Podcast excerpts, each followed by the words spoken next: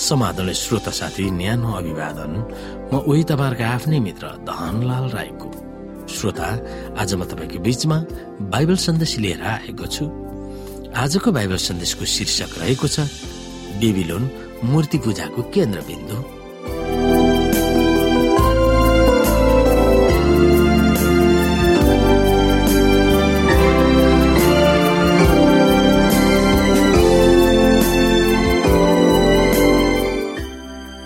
श्रोत साथी रहस्यमय महान बेबिलोनको स्पष्ट पहिचान अर्को पनि छ।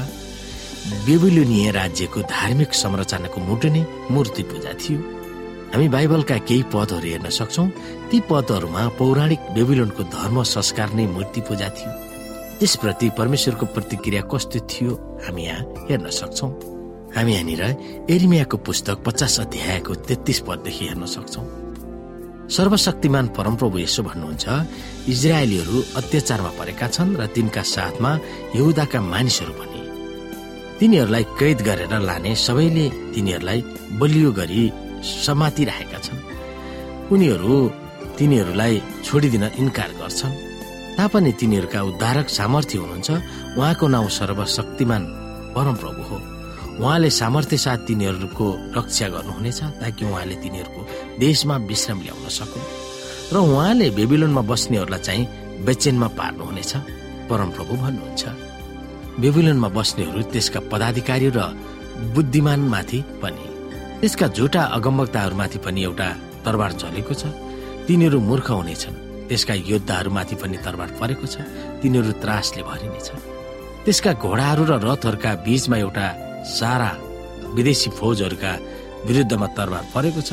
तिनीहरू स्त्री झैँ र हुनेछन् ती लुट्युन् भनेर तरबार त्यसका धनको विरुद्धमा परेको छ। त्यसका पानी सुकिजाओस् भनेर खडेरी परेको छ। किनकि त्यो मूर्ति अरूको देश हो र त्यसका देवताहरू डरले पागल हुनेछन् यसै गरी श्रोता हामी हेर्मियाको एकाउन्न अध्यायलाई पनि हेर्न सक्छौँ। यहाँ सत्र पददेखि हरेक मानिस बुद्धिविहीन र ज्ञान रहित छ हरेक सुनार त्यसका मूर्तिहरूद्वारा नै लाजमा पर्छ। त्यसका प्रतिमाहरू झुटा छन् तिनमा सास हुँदैन। ती व्यर्थका हुन् ठट्टाका पात्र मात्र। तिनीहरूको न्याय हुँदा ती नष्ट हुनेछन्। उहाँ जो याकुबका हिस्सा हुनुहुनेछ यी जस्ता हुनुहुन्न किनकि उहाँ नै आफ्नो निज उत्तराधिकारको कुल समेत सारा थोकहरू बनाउनुहुन्छ। सर्वशक्तिमान परमप्रभु उहाँको नाउँ हो।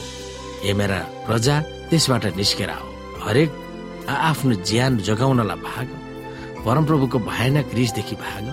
त्यसमा केही हल्ला सुन्दा हतोत्साहित नहो अथवा न डराओ यस वर्षमा एक किसिमको होहल्ला अनि अर्को वर्षमा अर्को किसिमको होहल्ला। देशमा उपद्रव शासकको विरुद्धमा शासक उठेको होहल्ला। किनकि यस्तो बेला निश्चय नै आउँछ। जब म बेबिलोनमा मूर्तिहरूलाई दण्ड दिनेछु त्यसको सारा देश लाजमा पारिनेछ त्यसकै बीचमा मारिनेछ।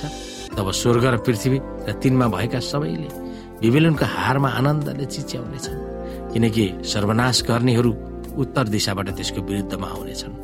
र परमप्रभु भन्नुहुन्छ बेबिलोनको कारणले पृथ्वीमा मारिकाहरू ढले झै इजरायलका मारिएकाहरूको कारण बेबिलोन ढल्नै पर्छ तिमीहरू जो दरबारबाट उम्केका छौ जाओ र नअडियो टाढाको देशमा परमप्रभुलाई सम्झना गर। हेरुसलमको बारेमा विचार गर। हामीहरू लाजमा पारिएका छौँ किनकि हामीले गाली पाएका छौँ। लाजले हाम्रो मुख ढाकेको छ किनभने परमप्रभुको घरका पवित्र ठाउँहरूमा विदेशीहरू प्रवेश गरेका छन्। तर यस्ता दिनहरू आउँदैछन् परमप्रभु भन्नुहुन्छ। जब म त्यसका मूर्तिहरूलाई दण्ड दिनेछु र त्यसको देशभरि नै घाइतेहरूको क्रन्दन सुनिनेछ। उँभो स्वर्गसम्म बेबिलोन उक्ले तापनि र आफ्नो अग्ला अग्ला गढीहरू बलिया पारे तापनि त्यसको विरुद्धमा सर्वनाश गर्नेहरू म पठाउनेछु परमप्रभु भन्नुहुन्छ। बेबिलोनबाट विलापको आवाज निस्किनेछ। बेबिलोनीहरूको देशबाट रुवाईको स्वर निस्कन्छ। ठुलो सर्वनाशका आवाज पनि। परमप्रभुले बेबिलोनलाई सर्वनाश गर्नुहुनेछ र त्यसको ठुलो हल्लालाई उहाँले दमन गर्नुहुनेछ। त्यसका शत्रुहरूका छालहरू समुद्रका ठुला ठुला पानी चाहिँ गर्जिनेछ उनीहरूका गर्जनको प्रतिध्वनि हुनेछ। सर्वनाश गर्ने बेबिलोनको विरुद्धमा आउनेछ त्यसका योद्धाहरू पक्राउ पर्नेछन् र तिनीहरूका धनु टुक्रा टुक्रा पारिनेछन् किनकि परमप्रभु बदाला लिने परमेश्वर हुनुहुन्छ। उहाँले पुरै प्रतिफल दिनुहुनेछ। म त्यसका पदाधिकारीहरू र बुद्धिमान मानिसहरूलाई त्यसका राज्यपाललाई अधिकृतहरूलाई र योद्धाहरूलाई पनि महत्ववाला बनाउनेछु। तिनीहरू सदाको निम्ति निधाउनेछन् र बिउ जाने छैन महाराजा जसको नाउँ सर्वशक्तिमान परमप्रभु हो उहाँ भन्नुहुन्छ। सर्वशक्तिमान परमप्रभु यसो भन्नुहुन्छ। बेबिलोनको चौडा पर्खालसम्म पारिनेछ र त्यसका अल्गा मूल ढोकाहरू आगोले जलाइनेछन्। मानिसहरू व्यर्थमा आफूलाई थकित तुल्याउँछन्। जाति जातिका परिश्रम ज्वालाको निम्ति इन्धन मात्र हुन्छन्। महसेयाका नाति नेरियाका छोरा सराया जो राजभवनका मुख्य अधिकृत थिए जो यहुदाका राजा सिधकियाका राजकालको चौथो वर्षमा राजासँगै बेबिलोनमा गएका थिए। त्यस बेला तिनलाई एर्मियाले दिएको सन्देश यही हो। बिबिलोनमा आइपर्ने सबै सर्वनाशको विषयका कुरा इर्मियाले एउटा पत्रको मुठोमा लेखेका थिए। बिबिलोनको बारेमा लेखिएका सबै कुरा तिनले सराहलाई भने जब तिमी बिबिलोनमा पुग्छौ तब यी सबै कुरा तिमीले चर्को गरी पढ्नु। र भन्नु हे परमप्रभु तपाईँले यस ठाउँलाई सर्वनाश गर्छु भनी भन्नुभएको छ। यतिसम्म कि मानिस वा पशु केही पनि यसमा बास गर्ने छैन। यो सदाको निम्ति उजाड पारिनेछ। यो पत्रको मुठो पढिसकेपछि त्यसलाई एउटा ढुङ्गामा बाँधेर युफ्रेटिस नदीमा फालिदियो। अब यसो भन मैले त्यसमाथि ल्याउने सर्वनाशको कारण बेबिलोन यसरी नै फेरि कहिले नउठ्ने गरी डुब्नेछ र त्यसका मानिसहरू लड्नेछन्। इर्मियाका वचनहरू यहीँ सकिन्छ। श्रोता साथी मिट र पर्सिया वा माडी र फारसीहरूले बेबिलोनको विनाश गर्नेछ भनेर इर्मिया पचास अध्यायको एकाउन्नमा भविष्यवाणी गरिएको छ। तिनीहरूको विनाश हुनुको एउटा प्रमुख कारण नै तिनीहरूको मूर्ति पूजा गर्ने धर्म र संस्कार थियो। तिनीहरूले पूजा गरेका विभिन्न मूर्तिहरू साँच्चीकै तिनीहरूको देवी र देवताहरूका प्रतिमाहरू हुन् भनेर बेबिलोन सभ्यताका मानिसहरूले विश्वास गर्दथे। विभिन्न परम्परा धार्मिक विधिविधानहरू पवित्र छन् भनेर बेबिलोनको धार्मिक परम्पराले सिकाएको थियो। विभिन्न मन्दिरहरूमा भएका मूर्तिहरूमा तिनीहरूका देवी देवताहरू बास गर्छन् भनेर तिनीहरूले विश्वास गर्दथे।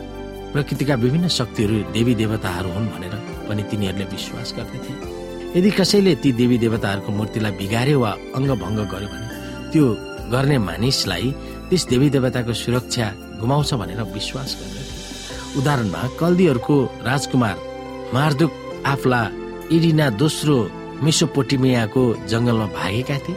त्यसबेला उनले बेबिलोन देवताका मूर्तिहरू लिएर गएका थिए। असेरियाको सम्राट सेन हेरिपका फौजहरूले उनलाई बचाउन भनेर उनले त्यसो गरेका थिए। अन्सियन मिसोपोटिमिया न्यू असिरियाको सम्राट सेन हिरिपका फौजहरूले उनलाई बचाउन भनेर उनले त्यसो गरेका थिए। बाइबलका अगमवक्ताहरूले ती अजीब मूर्तिहरूलाई पूजा गर्नु सृष्टिकर्ता परमेश्वरको विपरीत छ भनेर दावी गरेका थिए।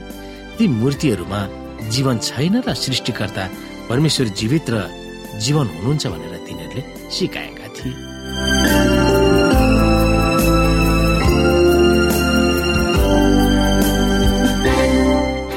श्रोता आजको लागि बाइबल सन्देश यति नै। हस्त नमस्ते जय मसिंह।